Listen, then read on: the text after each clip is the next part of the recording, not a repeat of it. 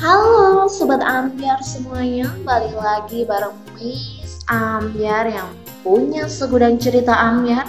Dijamin real tanpa rekayasa karena dari sumber yang terpercaya. Kali ini kita ada cerita dari John Dory dan Lady Sandy Sebesar apa pun masalah, kalau komunikasinya berjalan lancar, maka akan ada jalan. Tapi berbeda dengan John Dory dan Lady Sandy.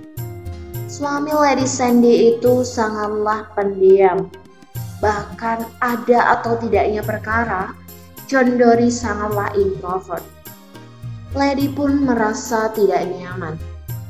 Hidup berdua namun penuh dengan rahasia. Lady bukannya kepo, tapi dia ingin turut serta menjadi bagian dari kehidupan suaminya.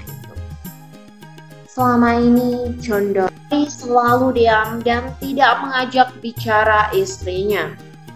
Beruntungnya Lady Sandy memiliki banyak teman sehingga dia tidak merasa kesepian.